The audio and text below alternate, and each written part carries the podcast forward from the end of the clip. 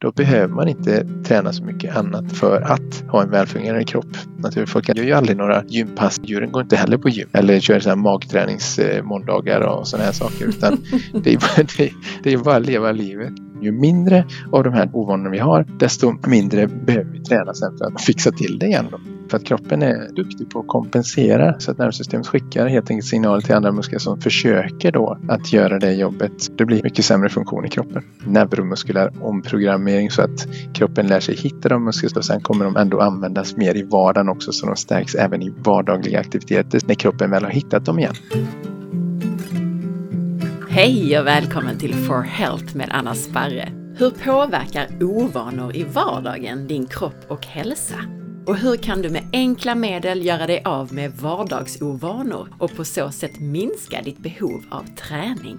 Visste du att så enkla saker som att du står för brett med benen kan försvaga och koppla från dina viktigaste hållningsmuskler? Och det i sin tur påverkar allt från värk och spända muskler till blodtryck, cirkulation och lymfsystem.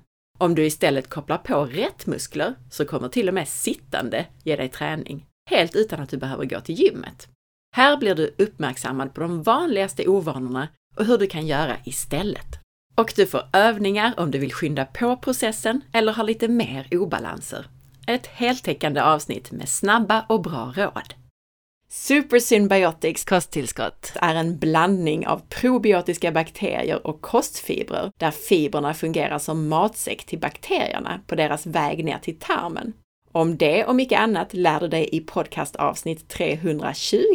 Supersymbiotics har skapats av professor Stig Bengmark och är baserade på 20 år av kliniska studier. Koden SPARRE10 ger 10% rabatt på Symbiotic om du beställer det på supersymbiotics.se. På nytoteket.se får du hela 20% rabatt på allt med koden SPARRE20. Jag använder själv bland annat bärpulver, C8 och MCT-olja från nytoteket. och de har även kollagen och benbuljong. Jag finns på facebook.com forhealth.se och på Instagram som asparre. För att kunna producera en gratis podcast så behöver jag din hjälp att hålla den synlig. Gilla inläggen när de dyker upp i sociala medier och dela gärna med dig av avsnittet i en Facebookgrupp, på Instagram och till vänner. Och gå in och lämna din recension av podcasten i din podcastapp. Tusen tack! På forhealth.se kan du även anmäla dig till nyhetsbrevet som kommer ungefär en gång per månad. Marcus Greus är sjukgymnasten som inte lyckades bota sina egna besvär med vanlig sjukgymnastik. Annat var det när han sökte sig till internationella experter på postural träning. Idag söker personer världen över Marcus hjälp för att bli kvitt sina besvär. Och vi har tidigare gjort många populära avsnitt med Marcus, så om du gillar det här avsnittet så lyssna även på tidigare avsnitt. Du hittar alla via forhealth.se podcastregister. Börja gärna med avsnitt 176. Hej Marcus! Hallå hallå! Så roligt att du är tillbaka. Det var länge sedan. Det är ett tag sedan nu. Och idag så ska vi prata om vanliga ovanor och hur man faktiskt kan minska sitt behov av träning till och med genom att sitta, stå och gå på ett bättre sätt. Alltså genom att göra sig av med sina ovanor. Precis. Och jag vet ju att du själv till exempel, som har arbetat väldigt mycket med din hållningsmuskulatur, du får väldigt mycket träning i vardagen bara genom att sitta korrekt till exempel. För jag minns att du har sagt att det finns perioder när du inte har, har hunnit träna, men du ändå får i stort sett tillräcklig träning i din vardag. Det stämmer alldeles utmärkt. Jag pratar mycket om det både till mina kunder och när jag håller utbildningar just att många undrar hur länge ska jag hålla på om jag börjar med de här övningarna för att få ordning på kroppen. Och då brukar vi säga att det tar ofta några månader att få ordning på det så att man är i riktig, eh, i riktig balans så att säga inifrån och ut. Men när man väl har nått dit så krävs det väldigt, väldigt lite egentligen för att underhålla den här djupa muskulaturen. Då. Och det, det är det som är så häftigt. Jag är nästan lite, lite förvånad själv hur, hur lite jag kan komma undan med så att säga. Sen är jag ute och springer och tränar annat. Men, men just för välmåendets skull och för att kroppen ska kännas för oss så krävs det otroligt lite. Och det är det vi ska dela med oss lite av idag då. Precis. Så vad ser du som de vanligaste ovanorna? Ja, det finns ju, finns ju massa grejer men om vi börjar med någonting som är otroligt viktigt och som många missar idag så är det ju det här med andningen, att man håller andan, man spänner magen och man andas upp i bröstet istället för att slappna av magen och andas ner i magen. Då. Vi har ju pratat om detta tidigare under andra avsnittet också men det är väl värt att nämna det än en gång på grund av att det här påverkar även den psykiska hälsan. Då för att det skapar ett stresspåslag och det gör att man går upp i sympatiska delen av nervsystemet så att säga så att man får, man får en, en stresspåverkan genom att andas upp i bröstet. Då. Så att någonting som är väldigt viktigt att komma ihåg är att slappna av sin mage generellt i vardagen när man står, när man sitter, när man ligger.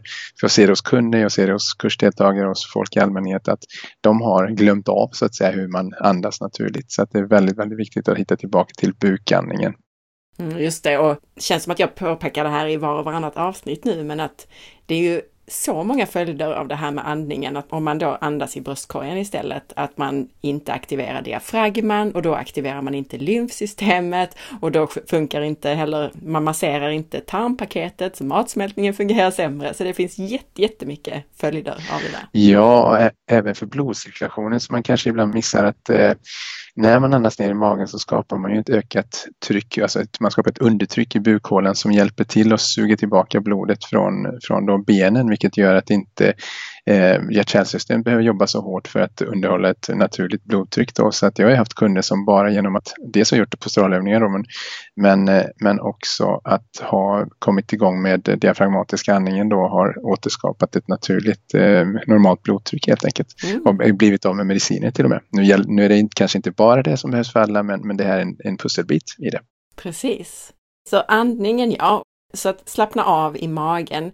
Och sen eh, kan det ju vara Alltså vi har ju pratat om andning i många avsnitt här. Ofta så behöver man ju öva lite för att, eh, ska vi säga, skapa en ny vana. Mm. Vad rekommenderar du där? Ja, det finns ju massor med olika andningsövningar men en av de lättaste sätten för att hitta tillbaka till bukandning är ju faktiskt att ligga ner och eh, helt enkelt eh, oftast med böjda ben, faktiskt ligga i sängen eller på golvet, var det nu passar. Och eh, ligga med böjda ben just för att man slappnar av bäckenet, eh, magtrakten då. Och sen helt enkelt ha en hand på magen och den andra på bröstet och när man då andas in så ska då den hand som är på magen resa sig naturligtvis så att magen putar ut samtidigt som bröstet ändå håller sig stilla då så att inte den handen som är på bröstet rör sig. Och sen så ska ju eh, magen sjunka ner på utandning. Och om man fortfarande har svårt att hitta bukandningen där så kan man lukta på sitt finger.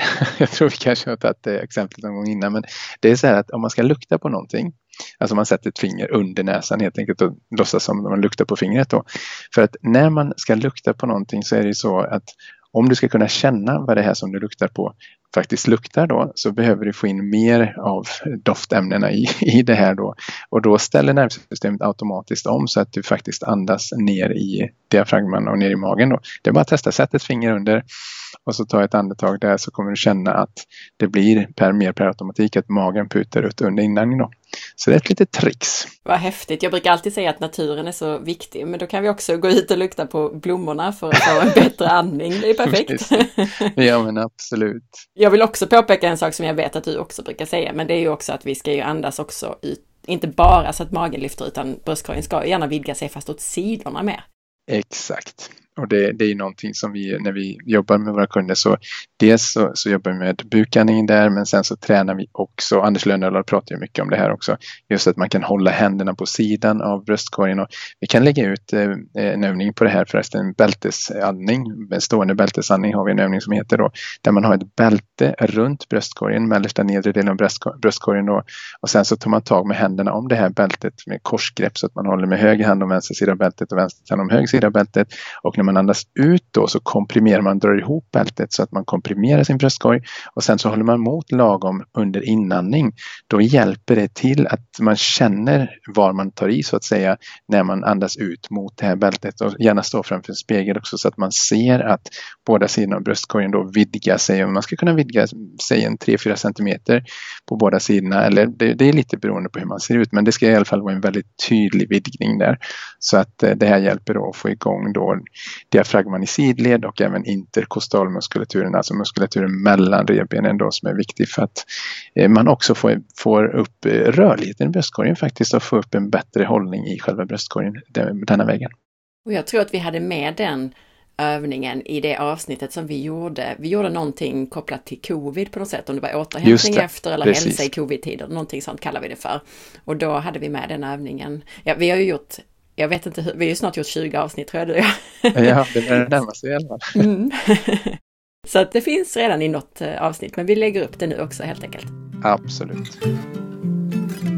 Så det, det, är väl en av de vanligaste man kanske missar så. Men sen om vi börjar titta på det här med stående när man står upp och så tittar man då på små barn och då pratar om två, tre, fyraåringar, femåringar. Hur de står så ser man att de står med raka fötter och de står raka med höfterna medan när man tittar på tonåringen så ser man att de ofta står och hänger på en höft. Man står och hänger på ena eller den andra höften. Och det är bara att testa själv faktiskt när man står upp. Att eh, först, först stå bara rakt med fötterna och sen testa att hänga över på ena höften och hänga över på andra höften. Och då kommer de flesta märka att det är lättare att hänga över på den ena höften. Och det är oftast så att man är svagare på den höften och man hänger för att avlasta helt enkelt. Men om man tittar på då småbarnen så ser man i princip, jag, jag själv personligen har aldrig sett en två, tre, fyraåring i alla fall stå och hänga på en höft höft. Jag vet inte om du har gjort det Anna, men det gör man inte när man har en välfungerande posturalkedja. Och det här är ju någonting som att stå och hänga på höften försvagar posturalkedjan ytterligare. Då. Så att det, det, det, vill man då försöka undvika så att man istället lär sig att stå jämn på båda fötterna. Och det tror jag många känner igen sig i innan jag träffade dig första gången, alltså före, före 2018 någon gång, så gjorde jag det ibland vet jag att när jag stod och jobbade och så, om jag stod vid ett ståbord, att jag hängde lätt på höften. Men det, det är nästan borta. Bra! Mm. Bra. Och då, då kommer vi in på den andra som är också att man, många står ju inte bara och hänger på en höft utan de står lite brett isär mellan fötterna. Normalt sett så ska vi kunna stå med en knytnävsbredd mellan fötterna och mittenfoten eller andra tredje tån pekandes rakt fram. Eh, men många gör ju inte det utan de står utåt med fötterna och eh, brett isär och det här innebär då att den här djupa posturala kedjan som då är designad för att eh, stabilisera hela bäcken, rygg, hela, hela kroppen egentligen.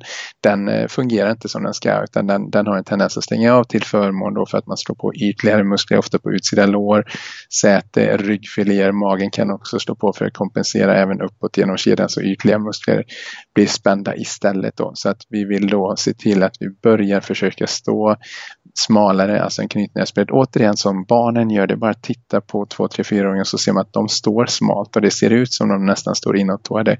Och det är dit hän vi vill försöka komma också. Då. Sen är är viktigt att säga här att det kan vara så att man ställer sig så känner man att oj vad det stramar och det känns inte alls bekvämt att stå på det här viset och då kan man behöva göra några övningar först för att släppa på de musklerna som har blivit eh, för strama, som har liksom kompenserat för bristande funktioner i den här posturala kedjan plus då göra några övningar för att få aktiverat de musklerna som ska då hålla denna positionen och det kommer vi lägga ut eh, bilder och instruktioner för sen då. Så att stående så har vi så långt tre huvudsakliga problem. Det ena är att vi hänger på en höft, ofta för att vi är svaga. Och det andra är att vi står med fötterna pekandes utåt, också svaga och inåtfallande knän och sådär. Mm. Och sen att vi står eh, för brett mellan fötterna. Det är de tre Precis. som vi har kommit till så långt, eller hur? Exakt. Och det här, det här hänger ju ofta ihop då också med att höfterna förskjuts framåt så att säga i rummet. Så att man blir lite som en hösex, ja, hamnar i en hösexposition. Och det här skapar ju belastning uppåt i kedjan men även neråt mot knän och fötter och sådär då. Så att det, det blir inte bra i långa loppet helt enkelt. Men vi kan väl ändå, om det är nu någon som känner på sig att, eh, eller de står här nu medan de lyssnar och så tänker de att nu står jag så här som, som Marcus säger, men det är inte skönt i mina knän och det stramar lite överallt. Mm. Vad kan de göra då? Vi ska ju också lägga upp videos som du sa, men vad kan de göra? Vi har ju ett par övningar som, som eh, hjälper till att släppa på spänningen först och främst. Vi har en som heter Runner Stretch och den har vi beskrivit många gånger och då kan man ställa sig alltså framför en, en stol eller ett bord eller någonting och så låt oss säga att vi börjar med vänster fot fram så att man sätter in vänsterfoten under bordet eller stolen då eh, och pekandes rakt fram med tredje tån så att det känns lite inåtåt och sen så backar man bak högerfoten så pass långt bak så att man, har, man eh, får en stretch i höger vad helt enkelt så man står kanske någon 80 eller 100 alltså en, en, en bra bit isär med fötterna i, helt enkelt. Då. Och även den bakre, den högra foten då ska ju peka rakt fram med tredje tån. Och då kommer man alltså uppleva en ordentlig stretch i höger vad för de allra flesta. Om, om man har svårt att stå med raka fötter så kommer man uppleva en, en ordentlig stretch i vaden på, på det bakre benet och så här. Och även då det främre för då ska man tänka att man står rakt med höfterna och sen så fäller man sig framåt från höfterna när man står i den här positionen och eh, man fäller sig framåt mer för varje gång man andas, ut för man ska tänka att man andas ut. Och så kommer man lite djupare i framåtfällning från höfterna. Då kommer man få en stretch i vänster, alltså det främre benets baklår och i höger vad då. Så håller man det här kanske en sex andetag eller så och sen så byter man sida, gör det ett par gånger på varje sida. Och då kommer detta att hjälpa till att släppa på spänningar. Utsida, baksida vad, utsida, baksida lår. Och hjälper då att man kan lättare stå med raka fötter. Det är bara att testa att göra just den övningen och sen prova att stå igen smalare, alltså där med en knytnäsbredd och så tredje tån rakt fram och då kommer de absolut allra flesta känna att nu gick det ju betydligt lättare direkt faktiskt. Mm, och jag tänkte bara betona också att det, du sa ju att det stretchar där i, om man har vänster fram, att det stretchar framförallt i höger vad och där, men det stretchar ju för många, alltså i både i framben och bakben och lår ja, och allt ja, möjligt.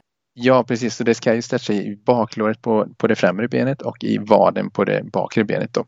Så att eh, det, det, är båda benen som får sig en, en stretch helt enkelt. Då.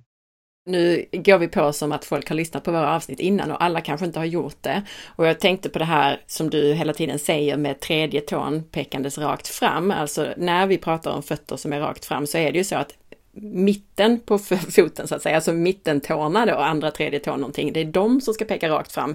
Vilket gör det att om man har en optimalt vinklad stortå så pekar den ju inåt. Exakt. Så det är det som gör att man, om man nu är van vid att gå med fötterna lite utåt så kan det kännas som att man står väldigt kobent. Men det är egentligen rakt fram. Precis, så är det. Så att eh, det, det, även där, om man tittar på barnen så kan man ju tycka att de står med fötterna inåt, men det är de som står naturligt och det är vi som står konstigt då, eller obalanserat. Mm. man vill. Så den övningen är väldigt bra för att börja släppa på det värsta som är på bakutsidan av eh, både vad, underben eh, och baklår. Då. Sen kan det ju vara så att man även är lite tajt i, i framsidan men det brukar inte vara det eh, farligaste just i det här sammanhanget utan vad man kan göra om det känns lite bättre efter den här som jag precis nämnde då, att man stretchar ett par gånger, så kan man också sen lägga på och göra en övning där man då aktiverar insidan av låren och då kommer man indirekt också aktivera höftbenen då. Så att då tänker man sig att man tar en tjock kudde och så lägger man den mellan knäna och står nu då med en knytnäsbredd mellan fötterna och tredje tån rakt fram. Och sen så tänker man sig att man med raka knän, magen avslappnad, upprätt överkropp så trycker trycker man mjukt och fint inåt mot den här kudden så att man får en aktivering då av insidan av låren och i början brukar det ofta kännas att ja, men det här tar inte alls, antingen det tar inte likadant höger vänster eller det tar fram låren eller tar utsida lår eller ryggen eller någon annanstans. Men så småningom då när man trycker och släpper och man trycker kanske ett par tre sekunder eller så gradvis ökande från 1% till 30-40% tryck så man tar inte i stenhårt alls utan lite lagom sådär bara trycker släpper så eh, 10 repetitioner kanske så kör man ett par tre omgångar så bör man då känna att eh, det successivt blir mer och mer aktivering av insidan lår upp mot ljumskarna och mer och mer liksidigt mellan höger och vänster sida. Då. Och Dels kan man göra den i denna positionen som jag precis beskrev men sen kan man också då göra så att man släpper kudden mellan knäna och så tittar man ner på fötterna och vrider in tårna så att man står inåt toad med fötterna, alltså ordentligt mer 20-30 grader inåt, så hälarna pekar alltså utåt då. Och då håller man den positionen och raka knän när man sen statiskt trycker stortårna in mot varandra. Och då kommer man aktivera insida lår på ett annorlunda sätt. Men man trycker, trycker, trycker på samma sätt från 1 till kanske 30-40% slappnar av helt. Under 2-3 sekunder gör man, trycker man och släpper en 2 sekunder och sen så gör man det kanske en 10 gånger eller så. Och även där då att man repeterar ett par tre omgångar. Men sen har vi ytterligare en tredje position. Tredje positionen är då att man istället sätter en någon liten kudde mellan hälarna och för det, många har svårt att sätta ihop hälarna mot varandra nämligen. Och kan man sätta ihop så kan man göra det men annars så får man sätta en kudde mellan hälarna och då håller man fötterna pekandes lite utåt och så trycker man hälarna in mot varandra och då kommer man aktivera mer baksidan insidan av låren så det är inte främre innanlåren utan mer bakre innanlåren. Så trycker man in och släpper efter där också. Så man har alltså tre positioner med raka fötter, med inåtvridna fötter, med utåtvridna fötter. Och så gör man det ett par, tre gånger totalt med kanske tio tryck i varje position. Och är det så att man nu har svårast med det här med inåtvridna fötter så ska man lägga mest krut på det för det är oftast det som brukar vara det stora problemet. Men det finns ett värde även i att trycka med hälarna ihop då mot varandra för man kommer åt en, en annan del av den djupa kedjan då som ska stabilisera bäckenet och hjälpa en att stå med rakare fötter. Så tre stycken olika positioner och trycka där ett par tre omgångar och sen skaka loss lite grann och testa igen nu. Hur känns det nu att stå med en knytnäsbredd mellan fötterna och tredje tån rakt fram? Och då brukar de allra flesta känner att det var inte alls lika jobbigt att stå så nu längre och man vill inte hänga på höften på samma sätt och så heller. Och det är intressant det du tar upp där med att i början kanske det inte känns alls i de musklerna på insidan. För det är ju som att nervsystemet kopplar ifrån när man inte använder de här musklerna. Det är lite spännande, det kan ta ett tag med vissa muskler och, och hitta dem igen så att säga. Det är verkligen så för att kroppen är, den är duktig på att kompensera när den inte får rätt typ av stimulans i sin vardag så ställer kroppen om sig så att nervsystemet skickar helt enkelt signaler till andra muskler som försöker då att göra det jobbet som de sanna, de rätta musklerna egentligen är designade för att göra. Och då visst, man kan ju liksom fungera men, men ofta blir det ju att man upplever då spänningar, smärta, man orkar inte hålla positionen och det, det, det blir helt enkelt eh, mycket mycket sämre funktion i kroppen rent generellt. Då. Och jag antar att det är därför du säger också att man inte behöver ta i för kung och fosterland utan att det räcker egentligen med 30-40 procent mm. tryck. Mm. Alltså det handlar mer om att man ska hitta musklerna än att man ska träna dem stenhårt.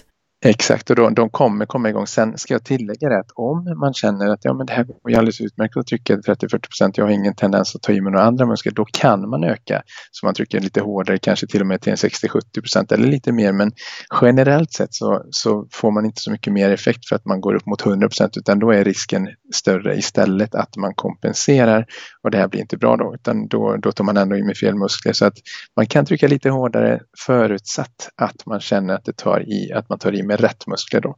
Så att då är det helt okej okay, men att eh, det, det, är inte styrketräning vi pratar om utan det är mer neuromuskulär omprogrammering så att kroppen lär sig hitta de muskler som är designade för det här jobbet och sen kommer de ändå användas mer i vardagen också så de stärks även i vardagliga aktiviteter sen när kroppen väl har hittat dem igen.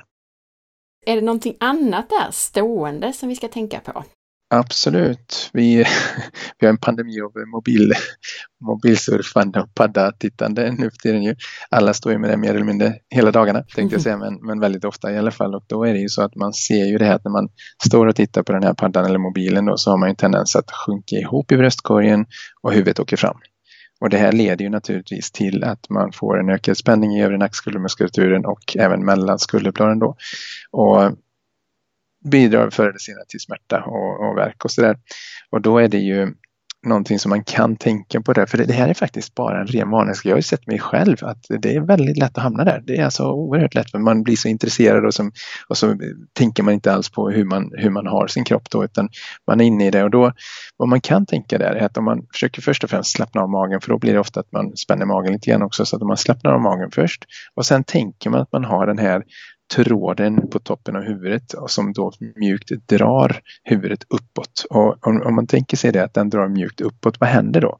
Jo, men då blir det ju så att huvudet vill ju sträcka upp sig och hakan kommer in lite grann, bröstet sträcker upp sig där också. Så att man försöker att komma ihåg och påminna sig om det när man då står med den här plus att man kanske reser upp handen där man har paddan eller telefonen så att den kommer upp mer i höjd med huvudet istället för att den är nere vid bröstet eller nere vid magen. Jag har sett vissa som står liksom, den enda där nere när man står upp så det är inte konstigt att man blir krum då. De är att, svag, svaga i axlar kanske, axlar rygg. ja, det, dessutom. Och sen kan man ju då tänka också att man håller bak skulderbladen lite grann då för att då hjälper det till att få hålla upp liksom, eh, handen i denna positionen så man får stöttningen från skulderbladen till att hålla den här positionen. Så att eh, det, bara man blir lite medveten om det så att det inte blir så himla framåtlutat i alla fall så kan det göra en stor skillnad bara det. För många har ont i nackeskulder helt i onödan som är kopplat direkt till det här padda och mobilanvändandet. Då. Jag tror många har sett, jag har själv lagt ut för många år sedan den här bilden av eh, hur kraften och tyngden blir på nacken när man har nacken framåtlutad. Jag tror många Exakt. känner igen det. Så bara man kan få upp den lite så gör det jättestor skillnad i alla fall. Jajamän. Sen finns det ju naturligtvis övningar som man kan göra även där för att stärka upp också eh, bröstryggen och själva nacken i sig. Och vi ska lägga ut eh, bilder och instruktioner för det också självklart. Men några är ju just det att man, man då aktiverar musklerna mellan skulderbladen och eh, även i djupa nackhalsmuskulaturen i sig faktiskt, som, som då många är alldeles för svaga idag. På grund av just att man har sjunkit fram så, så får man en obalans relativt mellan övre nacken då, som är för stram, och nedre nacken som blir relativt för svag så den orkar inte föra tillbaka huvudet i sin rätta position. Plus att man är också relativt för svag i den djupa halsmuskulaturen fram till då. Och vad är det exempel på en sån övning som kan hjälpa för att kunna stå bättre med mobilen? Ja, vi tänker, det, det, finns en, en som vi kallar för Standing Angel Wings. Alltså man tänker när man gör snöänglar i, i när man ligger i snön. Då, va? Man tänker sig att man står upp och så har man armarna rakt upp i axelhöjd så att armbågarna är i axelhöjd och sen så underarmarna pekar rakt upp i taket. Man är stående nu då alltså med bra hållning. Och sen så tänker man att man håller bak armbågarna en liten bit så bakom axlarna så att säga och sen så pekar man bakåt med tummarna också. Så man, det är ungefär som man, det finns ett talesätt, kasta salt över axeln då så att man har tummarna pekandes bakåt. Och så håller man den här positionen med 90 grader vinkel i armbågarna, håller armbågarna långt bak, håller tummarna ännu lite längre bak och redan när man ställer sig så så känner man att det aktiverar musklerna mellan skulderbladen och, och mittenryggen då. Och så håller man den positionen och försöker sträva bakåt mer med tummarna och armbågarna medan man för armarna lite uppåt som när man gör en snöängel i, i snön då. Och sen så för man neråt en bit till kanske 10-20 cm nedanför axelhöjd och sen 10-20 cm ovanför axelhöjd. Medan man hela tiden verkligen drar hårt bakåt med armbågarna och tummarna ännu lite mer hårdare bakåt. Och då öppnar man upp bröstkorgen och man stärker musklerna mellan skulderbladen riktigt, riktigt effektivt faktiskt om man tar i ordentligt när man gör den. Då. Så att det här är ju en, en sån övning som man kan göra för att verkligen då öppna upp och stärka eh, bröstryggen och skulderpartiet. Vi kommer visa den i en video, men för att förtydliga vad du sa så tar man alltså upp armarna och sen har man dem i 90 graders vinkel i armbågen så att underarmarna yes. är uppåt som du säger. Och sen så tummarna bakåt och bara att stå så och trycka bak tummarna är ju träning i sig där för, för skulderblad och så. Och sen så gör man då, som du sa, man lägger på den här liksom änglavingelrörelsen, snöängelrörelsen på det då med böjda mm. armar fortsatt. Precis, precis den är, jag brukar köra den mellan varven när jag suttit. Så det blir en del sitta i soffan och jobba. Jag ser till, ser till att bulla upp och så här. Men sen är det ändå att, att det är skönt att, att få loss det. För att hur man än vrider och vänder så är det ju så att allting vi gör är ju framåt lutande så att säga. Det är inte så att vi sitter med bakåtböjt huvud och jobbar liksom, tittar upp i taket utan det är ändå att saker och ting är framför oss. Så att när jag tar pauser då så brukar jag ställa mig upp och köra denna faktiskt en 5-10 reps och känner riktigt cirkulationen kommer igång där mellan skulderbladen. Det känns riktigt, riktigt skönt. Mm.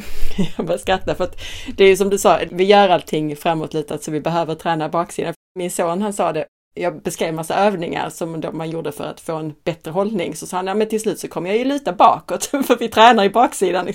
Så, eller vi tränar upp bakåt så att säga.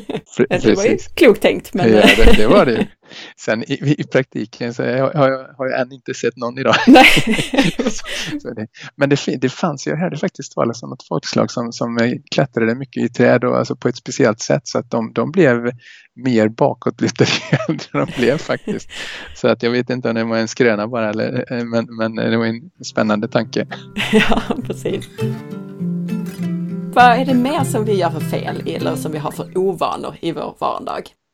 Ja, alltså när vi böjer oss eh, överhuvudtaget för att böja oss och plocka upp saker från golvet och sådär så om man tittar på hur ett barn som är två, tre, fyra år gammalt gör det och så tittar vi på en vuxen eller en tonåring gör det så ser man att det ser inte alls likadant ut utan vi har ju en tendens då att dels ha lite för raka ben och så att vi liksom krummar ländryggen och sen så böjer vi oss lite snett över ena benet för man är kanske dominant på höger handen så plockar man med höger hand då.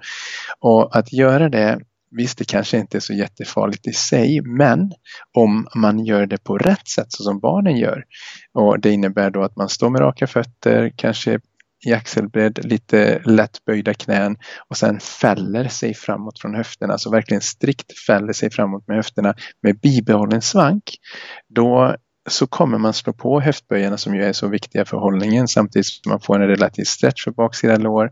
Om man då stärker den djupa posturalkedjan när man böjer sig framåt neråt på det här sättet. Om man därifrån sedan när man plockar upp någonting så tänker att man trycker ifrån via hälarna med bibehållen svank fortfarande och tänker också bak med axlarna lite grann så stärker man alltså posturalkedjan när man reser sig upp därifrån. Plus man stärker sätesmuskulatur för man ska också tänka att man tar i med rumpan när man kommer. Det är ungefär som den som är och så vet raka marklyft pratar man ju om.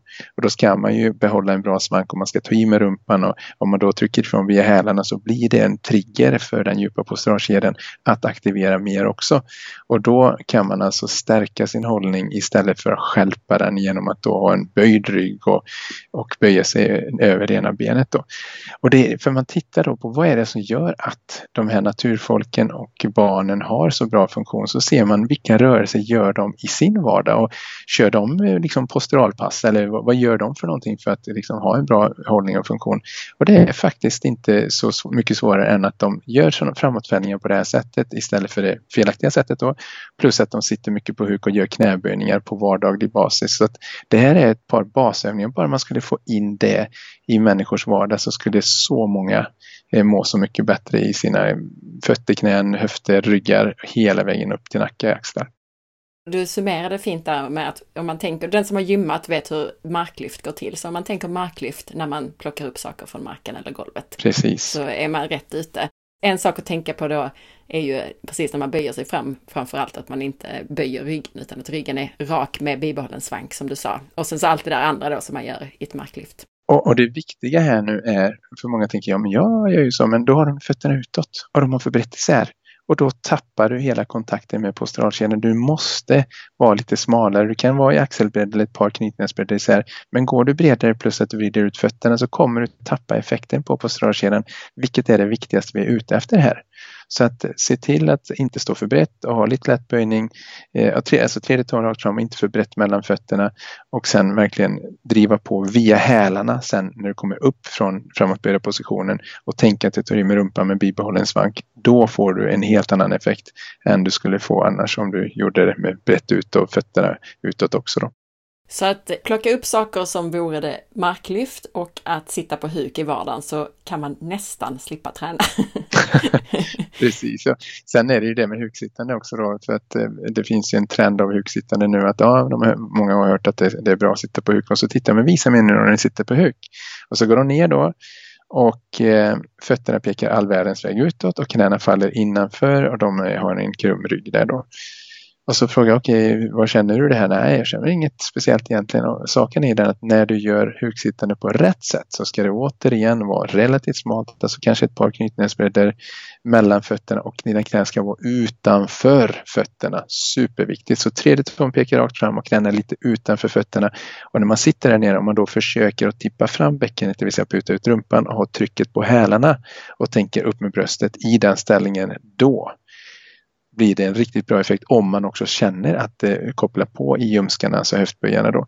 Men om man fortfarande bara känner att ah, det trycker i ryggen, det var som vi hade grundkurs nu i helgen faktiskt. Och så har vi det som ett av testen som vi gör för att kolla hur bra funktion har ni innan vi börjar med de här övningarna som vi går igenom under helgen då. Och då var det ju flera stycken som kunde gå ner i knäböjen men de kände inte på rätt ställe utan de kände istället att det komprimerade i ländryggen och då får man ändå inte effekten av det. Så då måste man först gå in och göra lite övningar för att man väcker de här posturalmusklerna till liv och sen då kan man få effekten av knäböjen så att det faktiskt ger en förbättring av funktion. Då. Okej, okay, så vi har pratat om att stå och plocka upp saker. Vad är nästa sak då? Hur är det med rörelse, att vi går och springer och sådär. Yes, då har vi ju det här med att många tar ju älgakliv. och det, ju, det, här är ju inte bra alls för att om man tittar på hur folk går i naturen och tänk själv om, om du skulle gå ute i djungeln eh, på steppen, savannen någonstans annars eh, barfota, skulle du, hur långa steg skulle du ta? Mm. För, och du, om du är barfota och grejen är att om du tar för långa steg så dels kommer du landa på hälen och det här landningen på hälen gör att du får en stöt genom knät och det har en tendens att tippa ditt bäcken bakåt. Så du kan inte slå på din höftböjmuskulatur som är så viktig för att hålla en bra hållning. Och det här kan man testa, bara ut och gå, känna efter när man tar långa älgakliv. Hur skönt är det i hälar och knän och så vidare och vad blir det för reaktion i kroppen uppåt och det blir den här hopsjunkningsreaktionen. Då. Om man istället slappnar av när man går, slappnar av fötter, slappnar av knän eh, och låter armarna svänga naturligt på sidorna, slappnar av magen, tänker den här tråden som, som gör en rak så att säga och så låter kroppen avgöra hur långa de här stegen ska bli. Då kommer de allra flesta känna att man vill inte ta så långa steg och då kommer man inte landa så långt framför kroppen utan närmare, närmare kroppen nästan inunder alla fall sen i löpning då. Men det här gör att du inte får den här stöten upp genom kroppen och du får också en aktivering av posturalkedjan vilket gör att du då stärker din naturliga hållning så man kan stärka sin hållning genom att gå på rätt sätt. Eh, Medan det andra då skälper för man sjunker ihop istället och man får också problem med eh, felbelastning då i de olika lederna. Så det här är någonting som är, som är väldigt viktigt att tänka på. Att ta inte för långa steg, låt kroppen själv avgöra hur långa stegen ska bli och Låt magen vara avslappnad. Tänk på den här tråden som påminner dig om hur rak du ska vara. Låt rumpan puta ut när du går så att den inte liksom är, absolut inte går med indragen rumpa, vilket vissa har fått höra från välmenande terapeuter att ja, du ska tänka på att plana ut din svank när du går och står och så vidare. Det är inte alls bra. Det, det här leder till problem i långa loppet. Eh, så att eh, det ska man tänka på. Och personligen tycker jag att den bästa övningen är att gå mycket barfota för att det tvingar en ofta, om man inte har allt för dålig hållning från början, så tvingar det ju en in till ett kortare steg och bättre isättning av foten och så. Precis. Och det är ju bra för andra saker också. Man blir jordad och man får eh, mer utrymme för tårna och sådär. Ja, exakt. Det är mycket fördelar där. Sen när vi kommer in på det här med, med eh, när vi står upp och rör på så bärande är också någonting som jag tittar häromdagen bara när jag var på ICA och handlade så såg jag någon som kom ut där och bar ett par kassar och så, så såg jag personen hade axlarna jättelångt fram och man riktigt såg hur, hur jobbigt det var. Det spände in över nacke och skuldra. Så där. En sån enkel sak som där att bara tänka på att okej, okay, den här tråden igen, tänk på att få upp bröstet, håll bak axlarna lite grann. Och vad som händer då är att när du får bak axlarna så du tänker att du får ihop skulderbladen lite grann så kommer belastningen från de här ICA-kassarna då, den kommer att hamna mer mellan skulderbladen och driva ner i posturalkedjan vilket gör att du också då om du tillåter magen att slappna av relativt sett så kommer du att eh, ha lättare för en naturlig svank. Då stärker du din posturalkedja genom att gå och bära de här kassarna istället för att få ont i nacke, vilket många, och mellan skulderbladen vilket många får när de sjunker i fram och ner med axlarna. Då. Så att det är en sån enkel sak och över, överlag när man bär, man flyttar på grejer och, och så vidare, tänker jag bak med, bak med skulderbladen. Liksom. Inte gå och hänga fram med dem när man bär så tungt som många då gör. Att, eh, om man istället håller bak så får man en, en relativ styrketräning i det momentet. Det är kanon. Mm, eller hur? Och hur är det, alltså många går ju med en väska slängd över ena axeln och ryggsäck och sådär. Vad säger du där? Ja, precis. Och det, det bästa är ju att har man en väska så växla sida eller ta den korsvis, alltså från vänster axel ner till så att väskan är på höger sida. Då. Så det, det, är bättre än att ha på den ena sidan för då blir det att man skjuter fram och upp axeln och det blir ofta snett. Så att även en, en liten handväska då kan ju skapa ett problem. Då är det bättre att variera sida så att man inte alltid bär på ena sidan för det blir annars obalans i den axeln. Plus att det påverkar hur man hur man går så man roterar ojämnt med höfterna. Då. Men det andra när man har ryggsäck då, det många inte tänker på är att man behöver dra åt remmarna på ryggsäcken så att eh, gärna om man har en sån runt magen, en rem runt magen eller bröstet där som kan stabilisera så att man får belastningen nära och att den bidrar till att eh, hjälpa till att man får en bra svank och axlarna kommer bak för då får man inte alls den snedbelastningen av framskjutna huvudpositionen som annars är en ryggsäck som hänger med uttöjd, alltså eh, när, när de är när de inte är åtdragna de här remmarna då, då, då blir det tvärtom effekten att då hänger väskan långt bak och då skjuter man fram huvudet som en kompensation och det leder till den här gamnackehållningen också. Då. Så att dra åt remmarna helt enkelt. Och i rörelse då kanske vi ska komma till själva löpningen också, för många springer ju även, äh, alltså även om man inte är ute och springer kanske man springer till tåget eller någonting. ja men precis. Och där är ju samma sak som vi redan nämnde då med gången att många tar ju älgakliv även där och landar på hälen. Och även om man, om man känner efter när man är ute och springer och låter kroppen avgöra hur långa stegen ska bli om man tänker återigen på det här att man har en bra överkroppshållning och magen avslappnad. Och, och sen då känner in när man springer hur långa steg vill kroppen ta då kommer de flesta märka att även där kommer steglängden bli kortare när man inte tvingar en lång steglängd. Det här leder också då till att man landar mer på mittfoten, alltså trampdynan och eh, helt enkelt gör att man får en bättre svikt via foten, upp i knät, upp i höften och att posturalkedjan kan reagera på rätt sätt och att man inte sjunker ihop. För annars när man ser de här som springer med långa kliv så ser man hur de också sjunker igenom, alltså bröstryggen kollapsar för varje steg de tar lite grann. Och eh, när man springer lite längre då så blir det naturligtvis värre och värre och man får problem med både knän och höfter och även upp i nackeskullar. Det finns ju många som är ute och springer och känner efteråt att oj vad jag fick ont i nacken när jag var ute och sprang. Ja, men det är ett klassiskt tecken på att då har man ju sprungit på ett felaktigt sätt plus att man ofta då är väldigt svag i den posturala kedjan som man kompenserar genom att rotera axlarna för att orka få fram benen också. Då. Mm. Men rent generellt, tänk även där på att ta lite kortare steg, tillåt en naturlig svank, andas med magen, tänk på den här tråden som sträcker sträcker på ryggen så att du hamnar i en bra överkroppsposition. Låt armarna svinga naturligt på sidorna under löpsteget. Cykling då? Är det någonting där? Ja, absolut. Eh, många cyklar. Jag har ju eh, Även jag själv hade en sån cykel innan, en mountainbike som man har bockstyre och sådär, racercyklar. Att man hamnar i väldigt framåtböjd position och då tippar ju bäckenet bakåt. Eh, fötterna kanske pekar lite ut, knäna vill falla in. Så att eh, för att få en bra effekt av cykling för man kan faktiskt få en starkare hållning av cykling om man gör det på rätt sätt. Och då det bästa egentligen är ju då att skaffa sig en damcykel. Eller, eller, en cykel där man kan sitta upprätt och inte måste luta för mycket framåt. För när man lutar för mycket framåt så är det väldigt svårt att tippa bäckenet fram. Eh, att kunna hålla raka fötter och, och knän brukar gå med de flesta cyklar men ett par saker där är att om man har mitten av foten på, tra på eh, trampan istället för tårna på, på, eh, på trampan då så kommer man att kunna slå på postralkedjan bättre. Så att sätta mitten av foten på trampan och sen hålla tredje tån rakt fram på båda fötterna. Tänka på att inte låta knäna falla in och inte för mycket ut heller för den utan knäna ska vara raka över fötterna under cyklingen. Att man försöker att tippa fram bäckenet så att man får en svank längst ner i svanken och sen att man får upp bröstet och då behöver man ju ha eh, styret relativt högt upp så att man kan då få till det här. Eh, och sen då när man håller den här positionen neutralt upprätt huvud och då tänker på att trampa jämnt och liksidigt med båda benen och, och bibehålla den här svanken och som inte svajar sida till sida eller tappar svanken under trampandet så kommer det här faktiskt leda till att man stärker posturalkedjan och man kliver av cykeln efter ett sådant eh, cykelpass och då känner man sig mer upprätt och, och bättre i hållningen jämfört med om man skulle göra tvärtom då med alla de här felställningarna. Ska bara förtydliga att när du säger tippa fram bäckenet så är det ju överkanten på bäckenet som ska tippa fram så att det betyder ju att det, det där nere putar ut och bak. Du putar ut rumpan helt enkelt. precis. precis. Helt rätt. Någonting som vi gör alldeles för mycket i vår vardag, det är ju att vi sitter. Vad ska vi tänka på där?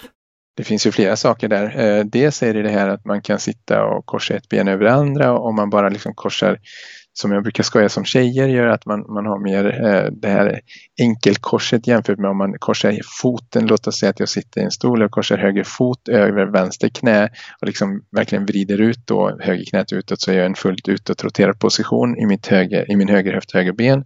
Eh, den brukar skapa mer problem om man bara gör det åt ena hållet för det leder till att bäckenet blir en snedställning då. Alltså och, du menar om, att det här kvinnliga korsandet är bättre då?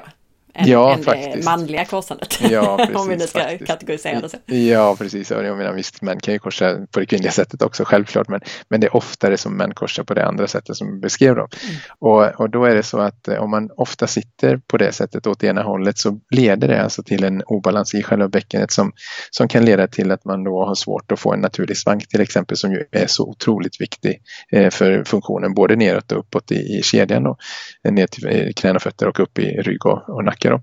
Så att eh, om man gör det så bör man ju försöka börja korsa åt andra hållet tills det känns likadant. För då kan man ju bara testa sig själv.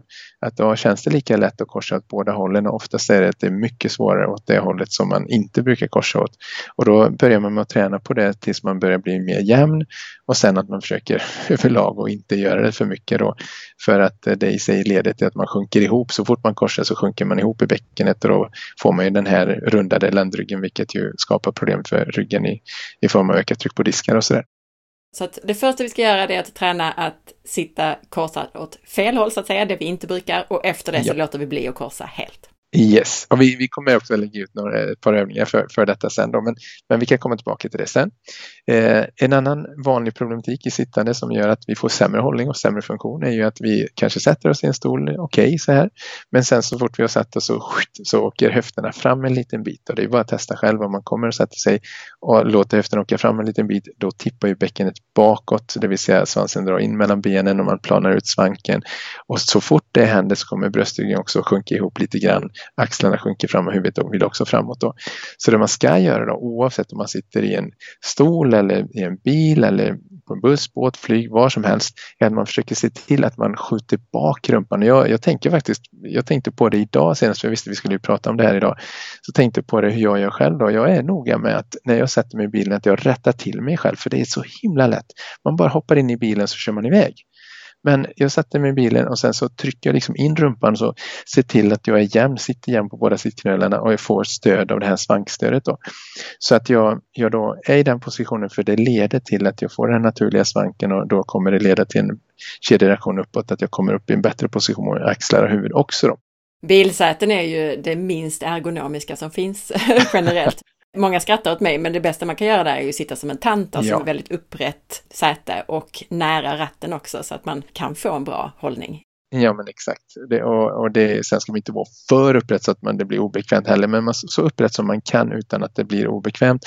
Och, och, ju bättre funktion man har desto upprättare kan man sitta för att folk som har då en krum rygg vill ju helst inte sitta upprätta för då hamnar de i huvudet i vindrutan nästan tänkte jag säga men det blir väldigt obekvämt också. Men att eh, sen se till att man använder svankstödet så att det, det, om man har det på en på de flesta bilar nu. Så att eh, se till att svankstödet eh, är ställt i rätt position så att det ger det här naturliga, hjälper till och, och bidrar till den här naturliga svanken. Men sen om man sitter på andra ställen så kan man ju försöka rulla in någon kudde eller som vi har pratat om innan, man sitter i soffan, vilket jag gör i princip varenda gång när jag sitter i soffan, om inte lika mysigt kollar på filmen så, men om jag sitter och jobbar, vilket ofta blir då, så, så ser jag till att jag har en, en kudde i svanken och försöker då sitta så att jag har fötterna på golvet eller åtminstone att jag får till en bra svank och att jag kommer upp i bröstryggen så att jag inte får den här hopsjunkna hållningen. Då. För alla de här sakerna tillsammans gör att vi blir sämre i kroppen. Ju mindre av de här så att säga dåliga sakerna, då ovanorna vi har, desto mindre eh, behöver vi träna sen för att få fixa till det igen. Då. Så det är verkligen så. Den är bra, precis den vi har pratat om innan i soffan. Jag hamnar också jättelätt och sitter och jobbar i soffan, men jag brukar verkligen också tänka på det att komma bak med rumpan ända in till ryggstödet och så sätta en liten kudde nere i svanken. Exakt. Och sen det andra då som, som man då kan göra för att faktiskt stärka, alltså på riktigt stärka hållningsmuskulaturen om man klarar av det ska jag säga. För det är inte alla som gör för att det är många som tycker det är väldigt jobbigt att sitta så.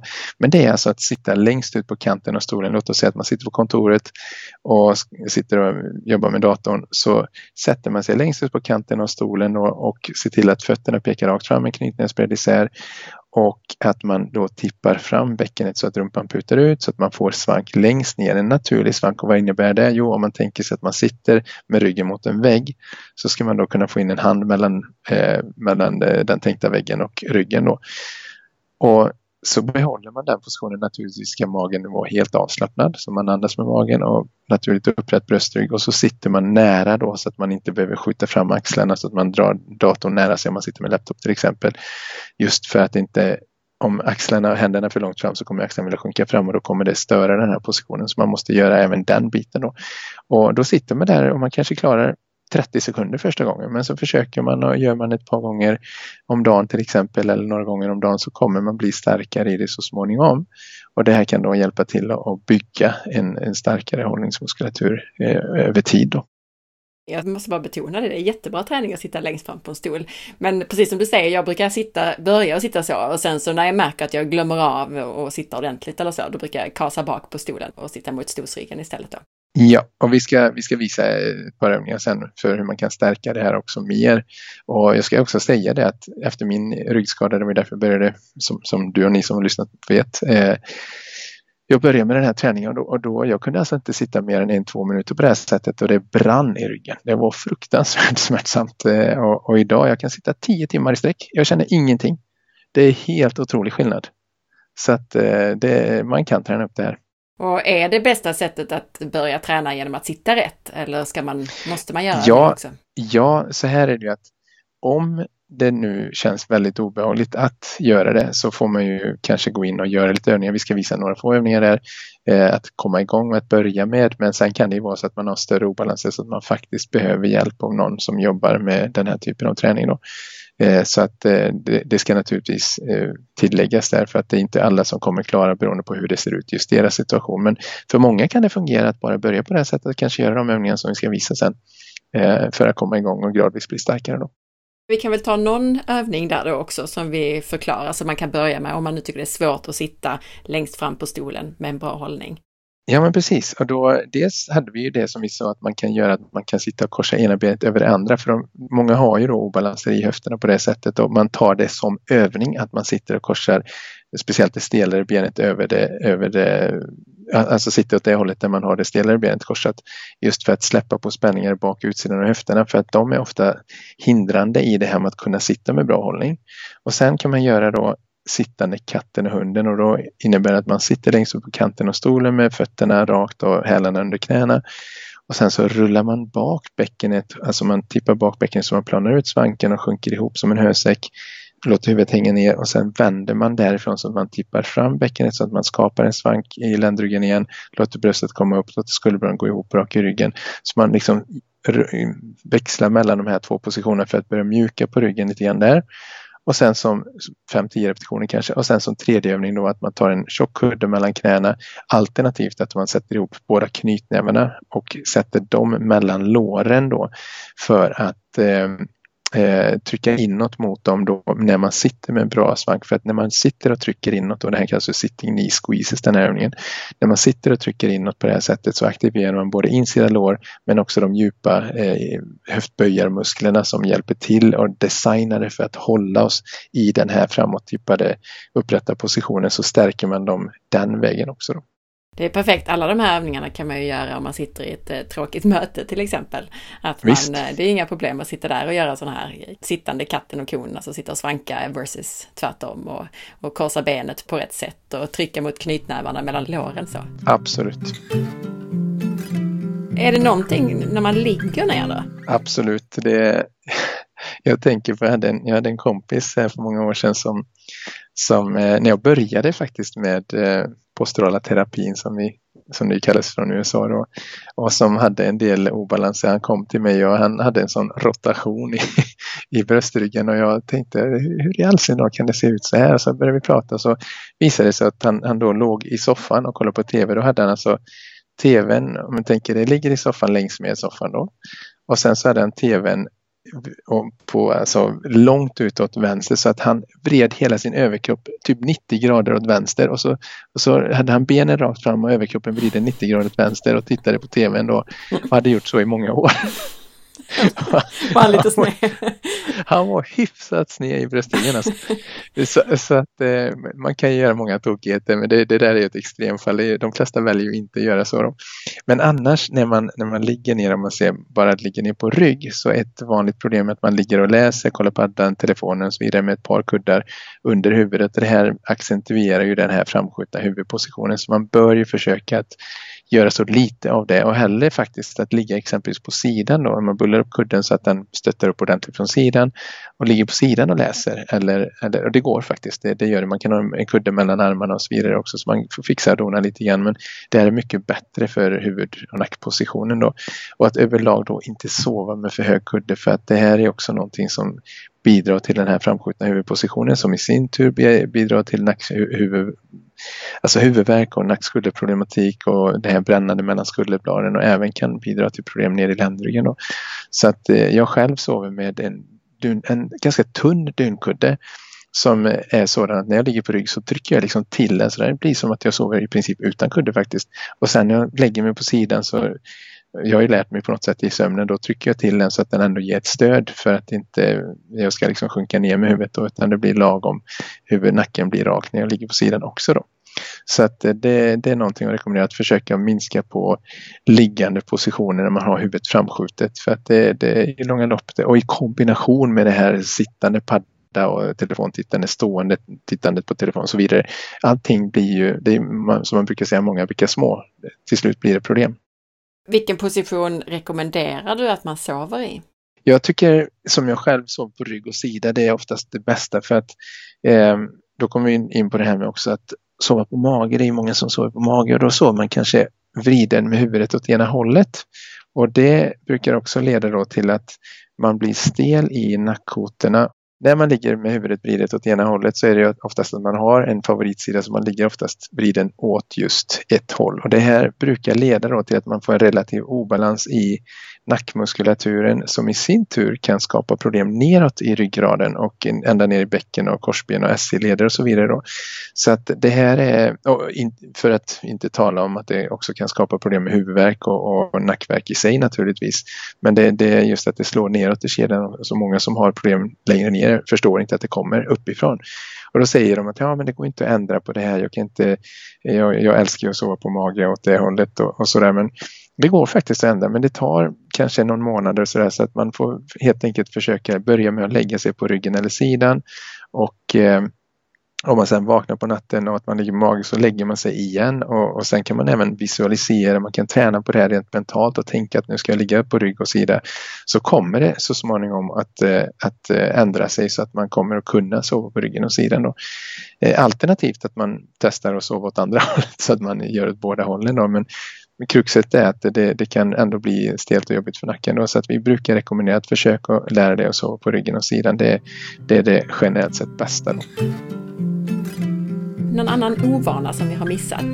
Har man koll på alla de här så händer det mycket redan. Och just att än en gång, det är många bäckar små. Man kan börja få koll på, på så många som möjligt av dessa eh, samtidigt som man då kanske gör lite övningar för att aktivera då de här djupa inre musklerna så, så bör det göra en stor skillnad i, i långa loppet för många människor. Just det här att då behöver man inte träna så mycket annat egentligen för att ha en välfungerande kropp. För att det, det ser vi återigen hos naturfolket. de gör ju aldrig några gympass eller de, de tränar ju inte per se.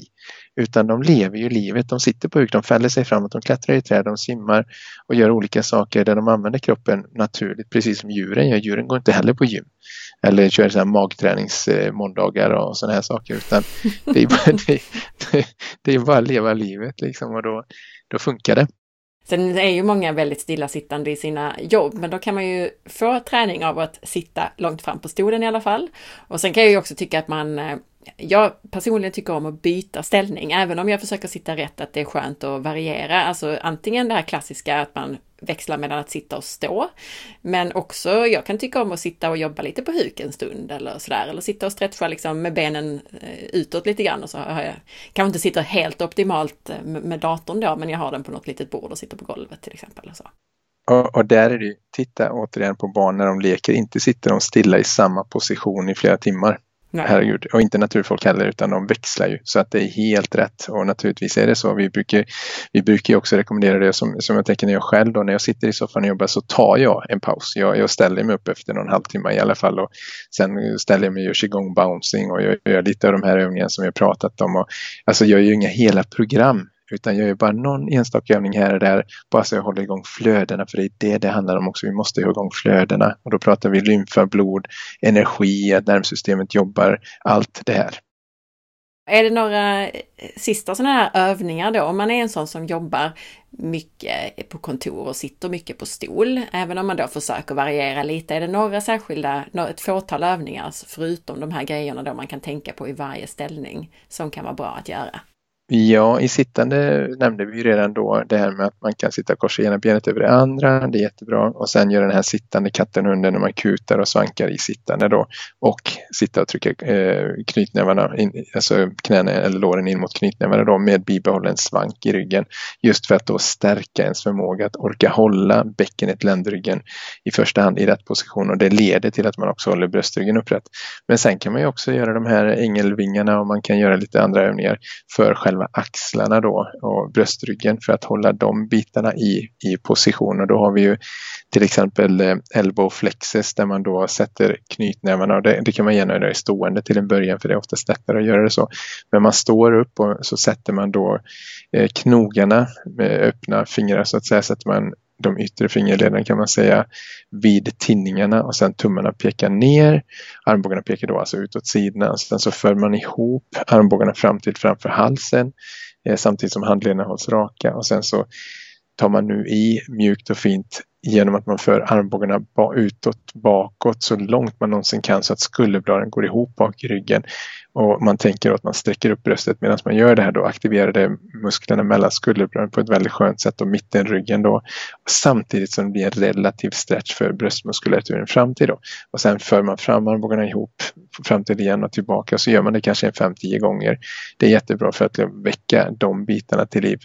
Ehm, sen har vi en övning som heter Standing Shoulder Rolls eh, där man står upp och så låser man ut armarna som är raka. Och i stående då med raka fötter igen som vanligt så tänker man att man lyfter axlarna upp mot öronen och sen så håller armbågarna raka nu så man får inte böja armbågarna nu för rörelsen ska ske i axelskulderpartiet. Så för man ihop skulderbladen bak till och hela vägen bak och ner så man känner en aktivering mellan mellersta och nedre skulderbladen. Och så rullar man några gånger så uppåt, bakåt, bakåt, neråt och så kör man kanske 5-10 repetitioner så att man känner att man får igång musklerna i övre nacke, mellersta eh, skulderblad och nedre skulderblad parti också. Då. Jättebra. Eh, sen kan man göra de här angel wings eh, en gång som jag nämnde då att man har ut armarna, tummarna utåt, armbågarna utåt i axelhöjd och så kör man upp och ner som ängelvingar eller som snöänglar. Och, eh, just för att stärka det här partiet ännu mer. Eh, där har vi några övningar just för övre ja, nacke, skulder, eh, bröstryggsparti. Då. De här sakerna kan man ju till och med göra på kontoret eller sitt hemmakontor utan att det ser konstigt ut. Man behöver inte lägga sig ner på golvet och så, utan du kan ju bara ställa dig upp och det är ju som att man rullar axlarna lite grann. Det är ju inga konstigheter med det, kan man göra på kontoret. Nej. Och vissa saker kan man till och med göra sittande som du sa. Sen kan jag också tycka att eh, man får väldigt mycket ut av om man innan man går till kontoret kanske faktiskt lägger sig på golvet och gör några sådana här fotcirklar som du har tipsat om i andra avsnitt. Precis. Att man alltså drar upp ena knäets ben och så högt man kan kan man säga mot ena axeln och sen så gör man då stora långsamma cirklar så man aktiverar höftböjarna där superövning verkligen. Och eh, det, är, det är en av de övningar som, som, som jag sa att jag tränar inte hela programmet. När jag vaknar på morgonen så brukar jag köra andningsövningar, typ alla Wim Hof eller djup, djupandning.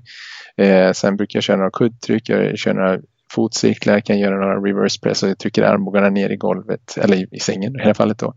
När jag har armbågarna pekande ut åt sidan så att jag aktiverar även bröstryggens posturalkedja innan jag kliver ur sängen. Och, och då är jag liksom igång så här och det, det, det tar en minut det tar ja. ingen tid alltså. Så det är det som är så häftigt. Många tror att oh, jag måste träna långa pass och sådär. Nej, det krävs inte alls mycket tid när du väl har kommit igång och, och, när du får in det lite här och där under dagen. Och det är det som de flesta missar. De tror att ja, men jag måste alltid göra ett långt pass för att det ska bli någon effekt. Nej, det behöver inte alls. Utan tänk på de här sakerna vi har pratat om nu i det här avsnittet och, och försök få in lite av de här övningarna. Vi har ju massor med övningar under de här snart 20 avsnitten som vi har lagt ut så att det är bara att gå in och kika och börja köra. Och jag brukar också rekommendera att man sitter på huk innan man eh, startar dagen, så att säga. Om man kan. Mm. Oh, precis. Om man kan. Du hörde det. Ja, men det är många faktiskt, för vi, jag tror att det kom upp i något avsnitt här, vi gjorde några avsnitt med Rasmus också som har arbetat med dig bland annat. Ja. Som sa, men jag kan inte sitta på huk. Nej, men då kan man ju hålla i någonting och gå ner så långt man kan det kan man absolut göra. Så länge det känns okej okay, och det var det jag skulle komma till också då, att om man kan och så länge det inte känns obehagligt eller smärta någonstans. För att ibland är det så här att om man är för mycket ur balans och man försöker tvinga sig ner på huk och då och foten sticker ut och knät faller in så kan det faktiskt bli så att man får ont i ett knä eller man får ont i en höft och så vidare då. Så att man ska inte huksittandet är ganska avancerat för många människor och man ska inte tvinga sig dit. Då är det bättre i så fall att jobba till exempel med stand-ups, eh, alltså uppresningar från stol, eh, vilket man också då kan göra på kontor. Till exempel att man sitter med bra hållning, fötterna rakt fram i knytnävsbredd, knäna i samma position, tippar fram bäckenet, händerna bakom öronen, drar ihop skulderbladen bak till och sen gör en ren uppresning från stolen då och så sätter man sig ner också med fortfarande en bra position. Vi kan lägga upp en bild på det också. Det är en, en lättare version som, som ändå stärker hela kedjan på ett eh, relativt bra sätt, även fast det inte gör det ner i djupet på höften, men det ger mycket effekt för många människor som inte klarar av ett huksittande. Och det är intressant, precis de sakerna du sa där, fotcirklar och kuddtryck och sådär. Min son då som fyller 10 nu, han har plötsligt fått ett träningsintresse så han och hans kompis har börjat styrketräna hemma. Och då började de med någon så här, eh, de såg väl någon på Youtube eller så. och jag blev lite så här orolig för att de hastade igenom benböj och sådana här grejer. Men då fick jag honom att börja med att göra fotcirklar innan varje träning. För jag sa, då blir din träning effektivare. Så sa han, jaha, hur mycket effektivare? Så sa jag, minst dubbelt. så, då, så nu gör han då fotcirklar och sitter på huk innan varje träning. Och jag försökte få honom att göra kuddtryck också, men det är inte alltid han gör det. Men efter det så är hans benböj mycket bättre och ja. allting ser mycket bättre ut. Så att det är ju jättestor skillnad. Ja, jättekul att höra. Det, det, krävs som sagt inte alltid så mycket och speciellt när de är yngre, våra yngre förmågor. Mm. De har inte så hårda kompensationer än. Mm. Så att eh, de klarar ju ofta att komma ner i huksittande snabbare. Men, men om man har en person som är kanske lite mer otränad och kanske kommer upp i 50, 60, 70 års åldern och försöker då tvinga sig ner i ett huksittande, då, då kan det tyvärr ibland bli så att man får ont av det. Så därför ska man vara lite försiktig menar jag bara. Marcus, du har ju utbildningar på gång, eller hur? Precis, vi utbildar ju i eh, optimumträningen då så att man, man lär sig helt enkelt att eh, förstå hur kroppen fungerar när den fungerar optimalt och sen lär man sig ett enkelt sätt att analysera då vad det är som har hamnat ur balans helt enkelt och sen hur man rättar till det här med både övningar och eh, med speciella behandlingstekniker så att eh, det finns både en grundkurs som man kan gå för den som bara vill lära sig grunden i det och sen så har vi en diplomeringsutbildning som är över fem helger. Grundkursen är en helg och diplomeringsutbildningen är fem helger då. Och det, det börjar bli väldigt populärt så det, det är jättekul att det är så många som har Eh, uppmärksammat det här och vi ser jättefina resultat. Att de som går utbildningar, dels att de blir bättre i sin egen kropp, för det är det viktigaste, att du ska kunna vara representativ naturligtvis när du ska jobba med det här, men också roligt att kunna bli välmående i sin egen kropp och hitta tillbaka till den här optimala funktionen som vi pratar om. Men sen också kunna hjälpa andra, för det är så många runt om i Sverige och hela världen för den delen som går omkring och har ont helt i onödan när det finns ett enkelt sätt att komma åt det här då med enkla åtgärder i form av då övningar och behandling jag har gått grundkursen. Jag hade planerat att gå hela din kurs, men jag gick grundkursen och eh, det var ju väldigt bra bara för ens egen skull och det var många som gick mest för sin egen skull, minns jag också. Precis. Och min plan är ju att jag ska, att jag ska gå hela din utbildning här också snart. Precis. det är jätteroligt så att eh, vi, vi jobbar hårt för att, eh, för att de som går ska få en riktigt, riktigt bra utbildning och just för att de ska få med sig kunskap som de verkligen praktiskt kan använda sig av vi har även ett online-system som vi har byggt upp som fungerar på det sättet att när man då går utbildningen så hjälper det här online-systemet dels att samla in kundhistoriken men sen också baserat på kundens eh, historik och funktionsanalysen som man gör så ger den förslag då på vilka övningar och behandlingar man ska göra och vilken ordning man ska göra det så att man snabbt lär sig att arbeta på ett effektivt sätt med det här eh, systemet helt enkelt och enligt det här flödet så man gör saker i en viss ordning då. När är nästa kurs, alltså datum och så, när kan man börja gå det här? Man kan börja den 24-25 november är nästa grundkurs och den är ju fristående i sig så att man kan gå antingen bara den eller om man vill då lära sig allting på djupet och bli diplomerad optimumtränare så, så går man då fem helger och då är det, det börjar ändå i november och sen så är det under våren, sen februari fram till maj då. Måste man bestämma sig innan om man ska gå hela eller kan man gå grundkursen och sen bestämma sig? Man kan gå grundkursen och sen bestämma sig efteråt, det är inga problem. Eh, men, men, eh, faktum är att nu, speciellt nu sista året och två åren, så det har faktiskt varit så att eh, de allra flesta väljer att gå vidare sen. Det är inget krav på något sätt, men, men de blir så inspirerade över de resultat som de ser så att det, det är jättekul. Vi har haft otroligt många som har valt att gå vidare just för att de känner att det här ger så mycket. Och du och jag har ju också gjort ett avsnitt om mental hälsa. Jag tror att det är avsnitt 253, ett jättebra avsnitt. Jag lyssnar själv på det ibland. Mm. och eh, du har ju också utbildning eh, mer för det mentala, eller hur? Precis.